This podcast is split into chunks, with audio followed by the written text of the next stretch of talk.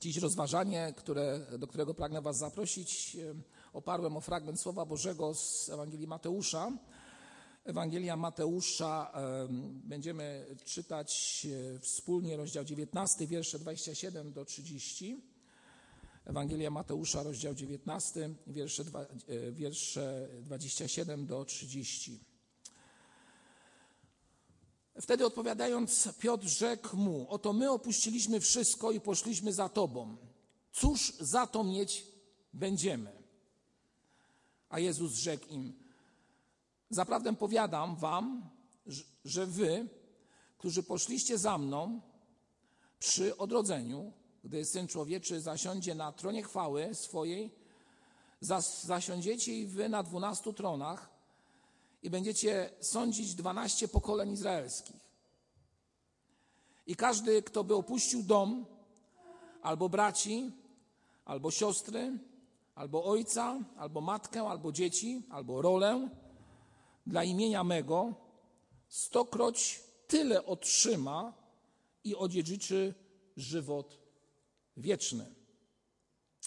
A wielu pierwszych będzie ostatnimi, a ostatnich pierwszymi. Tak sobie myślę, że pytanie, które y, zadał Piotr, jest takim trochę pytaniem nie na miejscu. No bo y, spójrzmy, o co on pyta. Panie, poszliśmy za Tobą, to twierdzenie, a pyta, cóż z tego będziemy mieć? Czyli co, zasada coś za coś? Coś za coś? Moi drodzy, tak często zastanawiam się właśnie czytając ten fragment, jak to jest, że do dzisiejszego czasu bardzo wiele osób bardzo podobnie pyta. Poszedłem, zrezygnowałem, zadeklarowałem wiarę w Jezusa Chrystusa, coś może utraciłem, czy dobrze zrobiłem, co ja z tego będę miał? Co ja z tego będę miał? Moi drodzy, to pytanie, tak jak powiedziałem, trochę nie na miejscu, jeśli chodzi o chodzenie za Chrystusem, który mówi wyraźnie: porzuć wszystko, idź za mną. A sednem nauki chrześcijańskiej jest to, aby wziąć krzyż i za nim. Mówiliśmy o tym ostatnio. Zresztą to, co dzisiaj będę mówił, trochę wpisuje się do tego, o czym e, mówiłem podczas naszych rozważań listopadowych. A więc e, pójście za Chrystusem e, raczej nie powinno nas prowadzić do tego, że będziemy się teraz Chrystusem targować o to, co ja będę miał za to, że poszedłem za Tobą? Dziwo najgorsze jest jeszcze to, że niektórzy to, ten targ, że tak to określę, przenoszą na doczesność i wręcz oczekują tego, aby deklaracja pójścia za Chrystusem wiązała się z tym, że już tu na ziemi będę miał błogosławieństwo i będzie ze mną wszystko w porządku. A na pewno będę miał y, łatwiej w życiu. No moi drodzy, słowo, które tutaj mówi, które przeczytaliśmy, jest słowem w dużej mierze skierowanym do apostołów, gdyż mówi o nagrodzie, które oni otrzymają przez to, że będą sądzić 12 pokoleń izraelskich. Ciekawa nauka. Można na ten temat więcej powiedzieć, ale to kiedyś powiem na jakimś wykładzie, po to nie miejsce, aby tutaj się zajmować, co to, to, te trony i tak dalej. A więc powiem tylko tyle, że nauka, o której tutaj, którą tutaj, o której tutaj przeczytaliśmy, nauka Pisma Świętego, wskazuje nam bardzo jednoznacznie na to, że ci, którzy opuścili coś dla Chrystusa, tutaj są bardzo konkretne sprawy wymienione i osoby, a więc dom, bracia, siostry, ojciec, matka, dzieci, rola, otrzymają i odziedziczą żywot wieczny. I tu znowu można zadać pytanie, czy faktycznie tu jest reguła coś za coś, czy też Jezus e, w sposób taki bardzo konkretny chce odpowiedzieć Piotrowi i nam zarazem, że mm, pamiętaj, warto opuścić, bo będziesz miał coś za coś? I tak i nie, moi drodzy. To nie chodzi, że ja teraz będę polemizował z Pismem Świętym, bo wola Boża jest najdoskonalszą z doskonałych i nie mnie, y, że tak powiem, negować ją, bo Pan Bóg daje to, co chce każdemu, jak chce. Sygnalizuje nam jednak i bardzo jednoznacznie mówi, że jeżeli cokolwiek w naszym życiu się stanie i coś e, utracimy, to mamy pewność, stuprocentową pewność, że Chrystus będzie razem z nami i w tej przyszłości da nam to, co najlepsze. Właśnie. I tutaj pytania się rodzą. Jak to jest, że często w życiu człowieka bywa tak, że na przykład służąc, pracując, pomagając, nie otrzymuje nagrody od tych, którym służy, pomaga, czy też opiekuje się nimi. Często e, czytałem opracowania dotyczące weteranów wojennych. Tak troszeczkę górnolotnie pobiegnę, ale wiecie, że troszeczkę mam w tym miejscu słabość. A więc powiem tak, moi drodzy, bywa, że w czasie wojny wielcy bohaterowie, którzy walczyli za słuszną sprawę, przeżyli. Okazuje się, że mm, po wojnie zdarza się, że cierpią głód i są zapomniani przez ludzi. Są zapomniani przez tych, czy zapominani przez tych, którzy, którym służyli. Gdzieś na marginesie czasami dopominają się o swoje. Oczywiście nie miejsce do tego, aby w tym miejscu dopominać się o ich, na, dla nich na, o nagrodę, ale czytając te opracowania, y, widzę, że te osoby bardzo cierpią i bardzo ich boli to, że zostali zapomniani, że o nich się nie pamięta, a jeżeli się pamięta, to tam zdawkowo raz w roku i tak dalej. Ta sprawa dotyczy także nas. Spotkałem się z ludźmi, którzy całe życie przepracowali w jednym miejscu i pod koniec swojego życia nawet nie otrzymali prostego słowa dziękuję. Tak jakby to było naturalne, zostało ci zapłacone, to i teraz iść na emeryturę, tak?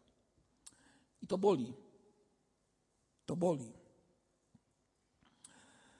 Dlatego e, ta obietnica, o której tutaj czytamy, jest obietnicą pełną nadziei, że ci, którzy dźwigają krzyż, tak górnolotnie powiem, będą dźwigać, czy też otrzymają koronę na głowę. Albo ci, którzy opuszczą swój dom, braci, siostry, czyli tych najbliższych, otrzymają znacznie więcej. W jakim momencie, czy też z którego miejsca to więcej do nich przyjdzie? Myślę, że jest to związane z tym, że opuszczając tych najbliższych, wchodzimy w relacje z tymi, którzy są w społeczności, w kościele. Dziś z bratem rozmawiałem na temat tego, że mamy na świecie 8 miliardów ludzi. Nie wiem, czy ktoś usłyszał tą informację, z czego, jak brat mi powiedział, najwięcej jest chrześcijan. Czyli teoretycznie byśmy mogli powiedzieć, że chrześcijanie, którzy idą za Chrystusem, rezygnując często z tej tak zwanej doczesności i chwili, mają albo powinni mieć bardzo szeroko rozumianą rodzinę, bliskich i znajomych. A więc, mówiąc o tym, chcę powiedzieć Wam o bardzo istotnej sprawie. Wielu z nas tutaj siedzących musiało podjąć w swoim życiu dramatyczną decyzję, bo tak ją nazwę, o tym, czy opowiedzieć się po stronie Chrystusa, często stając w opozycji do tego, co albo w czym trwa jego rodzina, Twoja rodzina, moja rodzina. A więc e, stwierdzenia, że odejście od wiary Twoich dziadków i przodków doprowadzi do tego, jak czasami w sposób obrazowy niektórzy i uproszczając chcą przekazać informację, że babcia to wiadomo, gdzie się przewróci. I oczywiście brzmi to bardzo infantylnie i głupio, ale w rzeczywistości doprowadza do tego, że człowiek zastanawia się nad tym, czy podjęcie kroku pójścia za Chrystusem i rezygnacji z wielu spraw, które są mu bardzo osobiste i drogie, tej kalkulacji staje się, aż się boję tego powiedzieć, opłacalne, tak? I myślę, że właśnie tutaj jest ten błąd, który popełnia wielu z nas opłacalności chrześcijaństwa. Więc powiem Wam tak, moi drodzy, nie ma takiej możliwości. Po ludzku rzecz ujmując, od strony finansowej, ale także i od innej strony, opłacalność jest bardzo mała tu na Ziemi. Tu na Ziemi. mówimy o rzeczach, które są przed nami. Dlatego oczekiwania dotyczące tego, że będziemy mieli tutaj już dobrobyt, nie wiem, zdrowie, błogosławieństwo, a nawet, uwaga, co teraz powiem, relację właściwą, często nie są do końca realizowane. I tu powrócę do tego wątku związanego z tym, że opuszczamy rodzinę, a oczekujemy, że Pan Bóg da nam nową rodzinę.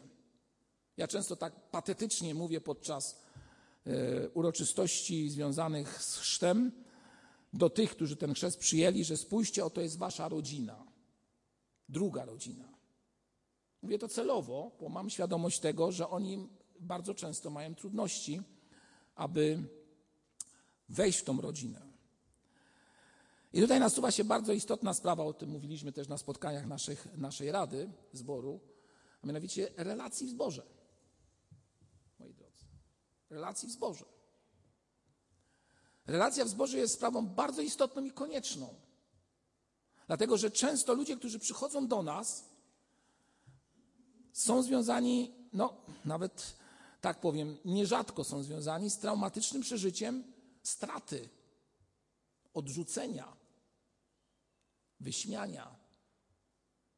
I oczekują tego, że będziemy my, jako ta rodzina w zborze, im bliscy. I myślę, że to jest dobre oczekiwanie. I to nie jest, że tak powiem, jakaś chęć z ich strony nadmiernej atencji. Po prostu to jest coś naturalnego. Wchodzą do rodziny, które, której głową jest Pan Jezus Chrystus. Te słowa kieruję przede wszystkim do siebie. I chcę też, e, kierując je do siebie, zachęcić Was, abyśmy w swoich, w swoich domach przemyśleli, przemodlili sprawę, tak to określę górnolotnie, jak wygląda Twoje E, moje zaangażowanie względem tych, którzy są tutaj pośród nas po raz pierwszy. Ja mam świadomość, że niektórzy może nie oczekują aż tak dużej e, z naszej strony uwagi, ale myślę, że okazanie serca i zainteresowanie jest czymś bardzo istotnym, bo oni coś opuszczają. Zdecydowali się iść za Panem Jezusem Chrystusem. Dlatego, moi drodzy, zastanówmy się nad tym, jak to wygląda w naszym życiu i jak te relacje w naszej społeczności możemy lepiej zbudować. Ja nie mówię w tym momencie, że ich nie ma, bo one są. Wielu z nas zaprasza się wzajemnie, troszczy się jeden o drugiego, dzwonimy, nie wiem, rozmawiamy. Jesteśmy po prostu. To jest bardzo dobre i ja jestem bardzo tym zachęcony. Ale myślę sobie, że możemy jeszcze więcej zrobić, aby spróbować przynajmniej tu na ziemi okazać tego ducha ewangelicznego, który mówi, że kiedy gościmy kogoś, to tak jakbyśmy aniołów gościli. Znacie ten fragment. A więc relacja w kościele, relacja w zborze. Kościół to nie jest miejsce, w którym usłyszymy, nie wiem, wykład, kazanie i to wystarczy. Oczywiście to jest konieczne i ważne, to pomaga, ale Kościół to relacje i spróbujmy je budować. Stąd też może tych wiele, tak wiele spotkań, które próbujemy tutaj czynić, aby faktycznie Kościół nie był jakąś tam organizacją nie tylko, ale miejscem, które będzie przynajmniej w jakiejś formie przypominało dom. W jakiejś formie przypominało dom. Stąd też ta idea, która przyświecała mi, kiedy zaczynałem pracę, abyśmy nie byli jednym zborem i tylko jednym zborem w Warszawie, ale żeby tych zborów było więcej pośród nas aby w okolicach Warszawy te zbory powstawały. Po to, aby ta wspólnota była bliższa, bo im większa społeczność, tym tych relacji coraz mniej. Coraz mniej. Zastanówmy się nad tym. Zastanówmy się nad tym.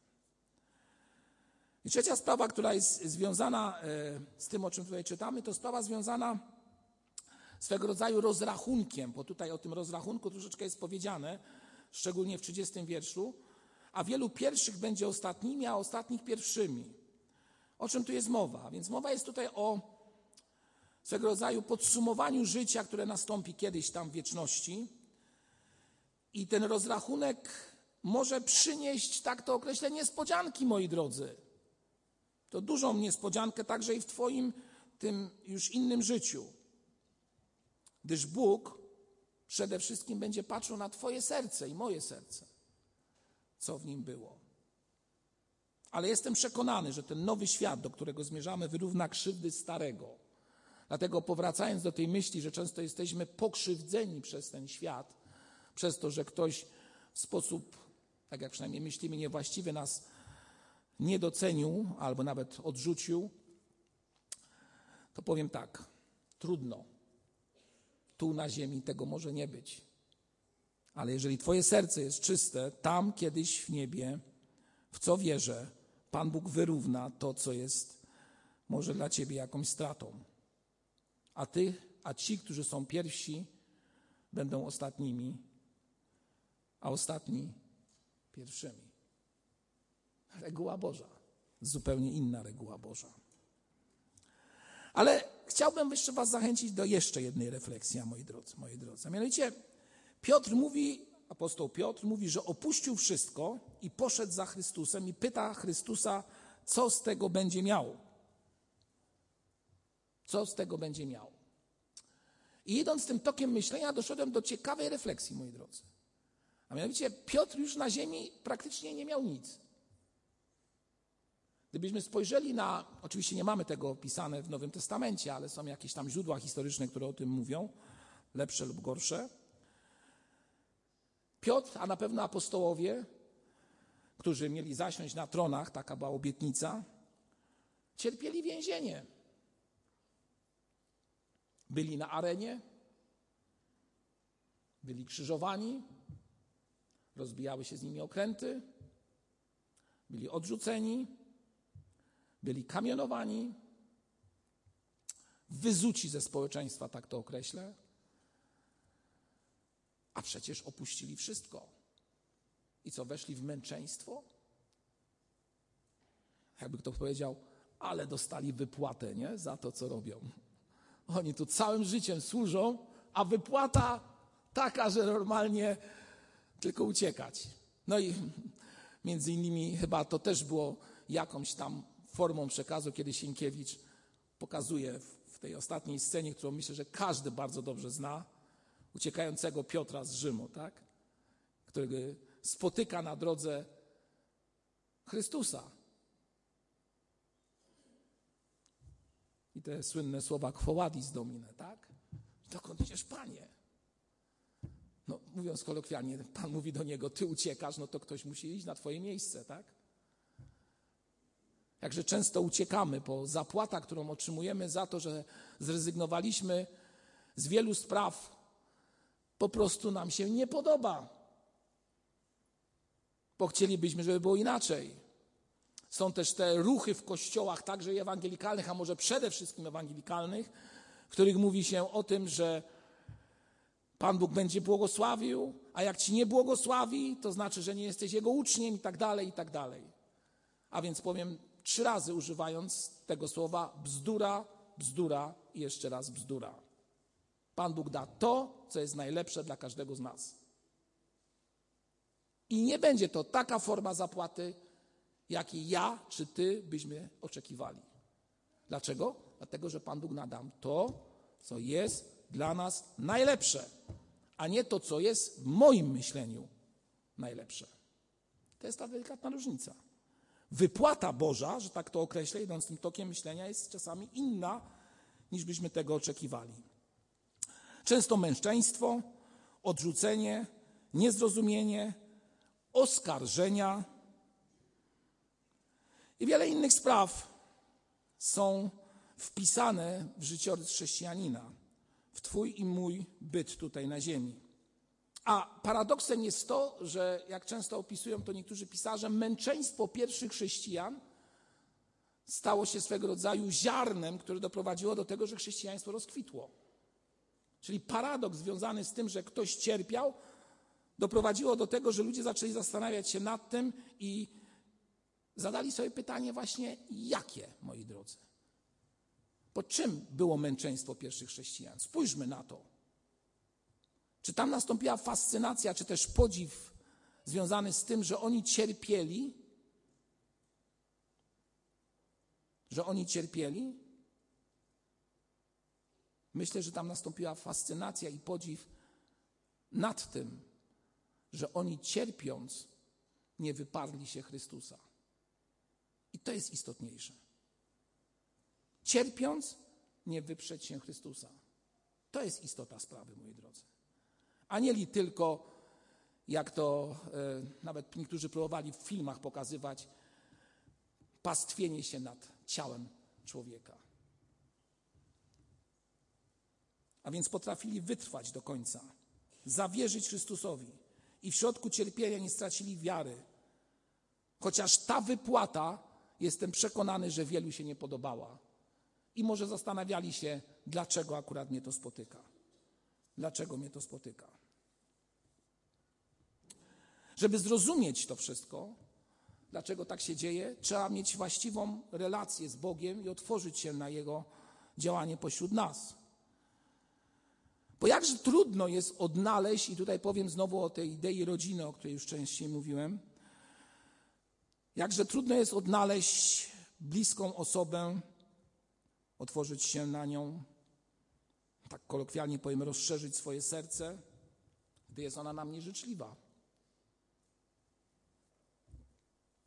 Zobaczyć, nie wiem, brata, siostrę, tak górnolotnie to może zabrzmi, w ludziach, przed którymi powinniśmy uciekać, bo nam źle życzą. Przed którymi powinniśmy uciekać. A tutaj trzeba odnaleźć w nim brata i siostrę. Łatwiej jest być w zborze i w zborze odnaleźć bratnią duszę i pomóc mu, zainteresować się nią. Ja was zachęcam do tego bardzo gorąco i tylko tyle mogę powiedzieć, bo nic więcej nie mam żadnych instrumentów do tego, aby wam powiedzieć, że trzeba to robić i należy to robić. Tak? To jak mi ktoś powiedział, bracie, brat tutaj stoi na czele zboru, zboru, który ma tam, właśnie tu podał liczbę i co? Ja mówię, no i tylko tyle mogę powiedzieć, że jedyne to, co mogę zrobić, to zachęcać te osoby. To niczego nie mogę przymusić. To jest inny rodzaj stania na czele, moi drodzy. Zbór to nie jest korporacja, moi drodzy. Zbór to jest zgromadzenie ludzi, którzy mają między sobą, uwaga, co powiem, relacje. Tu nie ma coś za coś. Tu trzeba mieć serducho otwarte. I tylko tyle. I tylko tyle. A więc obojętność, to, że jestem obcy, spróbujmy zastanowić się nad tym, szczególnie w kontekście tych, tego czasu, który jest przed nami. Tego czasu, który jest przed nami. Szczególnego czasu. Tak to jest, że hmm, myślę, że w każdym kraju, ale szczególnie w Polsce, te tradycje świąteczne są tak praktykowane bardzo osobiście. I tak jak mówię, to jest dobry czas, aby właśnie o tych sprawach mówić, bo ludzie w Polsce i nie tylko w Polsce ten temat potrafią lepiej zrozumieć. Temat związany z tym, że troszczymy się jeden o drugiego i przebaczamy, a nie tylko właśnie mówimy źle, robimy źle i ciągle jesteśmy niezadowoleni, że właśnie ktoś tam coś złego dla nas, wobec nas powiedział, zrobił i tak dalej, i tak dalej. Patrzę na zegarek, jeszcze mam jedną myśl, którą chcę przekazać, ale pozwolicie, że skończę. Tak? Moi drodzy, e, tak nawiązanie do tego męczeństwa, o czym mówiłem przed chwilą. I o tym, że chrześcijanie w męczeństwie powinni mieć świadomość tego, że powinni prosić Boga o to, aby wytrwać. A więc nie tylko męczeństwo sensu, kiedy biczowane jest Twoje ciało, ale także kiedy następują trudne chwile złych oskarżeń, nie wiem, pomówień, z różnych innych spraw, które na Ciebie przejąłem, niedocenienia i tak dalej, i tak dalej. Powinniśmy jakoś z tym się oswoić i przejść przez to. Jak możemy przez to przejść? W jaki sposób? Myślę, że wielu z Was zna bardzo dobrze przykład Szadracha, Meszacha i Abednego z księgi Daniela. Tych trzech młodzieńców, którzy nie ugięli się i nie uklęknęli przed posągiem, który został poczyniony, aby oddawać chwałę. I wiemy, że zostali wrzuceni do tego pieca, tak? Tak zastanawiałem się nad tą całą historią, ale ona ma walory historyczne, w związku z tym nie będę traktował, jak to niektórzy próbują ją przedstawiać w kategorii mitologii. Oni przeszli przez to. Ale wiecie, co było najistotniejsze w tym całym wydarzeniu, o którym czytamy w trzeciej księdze, w trzecim rozdziale Księgi Daniela? Najistotniejsze w tym wydarzeniu było to, że kiedy oni byli w środku, tym piecu, i kiedy w ogóle ci, którzy ich tam do tego pieca wrzucali, jak czytamy w księdze Daniela, to poginęli, bo taki było, takie było to wszystko rozżarzone. A więc kiedy oni byli w środku w tym piecu, ten, który rozkazał, aby to uczynili, czyli że rozkazał, aby tam zostali wrzuceni, zobaczył kogo z nimi. Czwartą osobę. My uważamy, że była to bezpośrednia ingerencja Boża. Niektórzy odnoszą, że był z nimi Jezus Chrystus. To już tak daleko idąca interpretacja. Ale co było najistotniejsze? Że był ktoś z nimi, koło nich, który ich chronił. I to jest istota, moi drodzy, przechodzenia przez doświadczenia i trudne sytuacje w Twoim życiu i zgodzenia się na wypłatę, która często nam nie pasuje. Bo przecież opuściliśmy wszystko, a doznajemy takich rzeczy. No przecież oni byli Izraelitami, no więc Pan Bóg powinien być z nimi blisko, a jednak zostali wrzuceni do pieca. Więcej, no opowiedzieli się po stronie Boga i nie pokłonili się i co? I do pieca. A nie.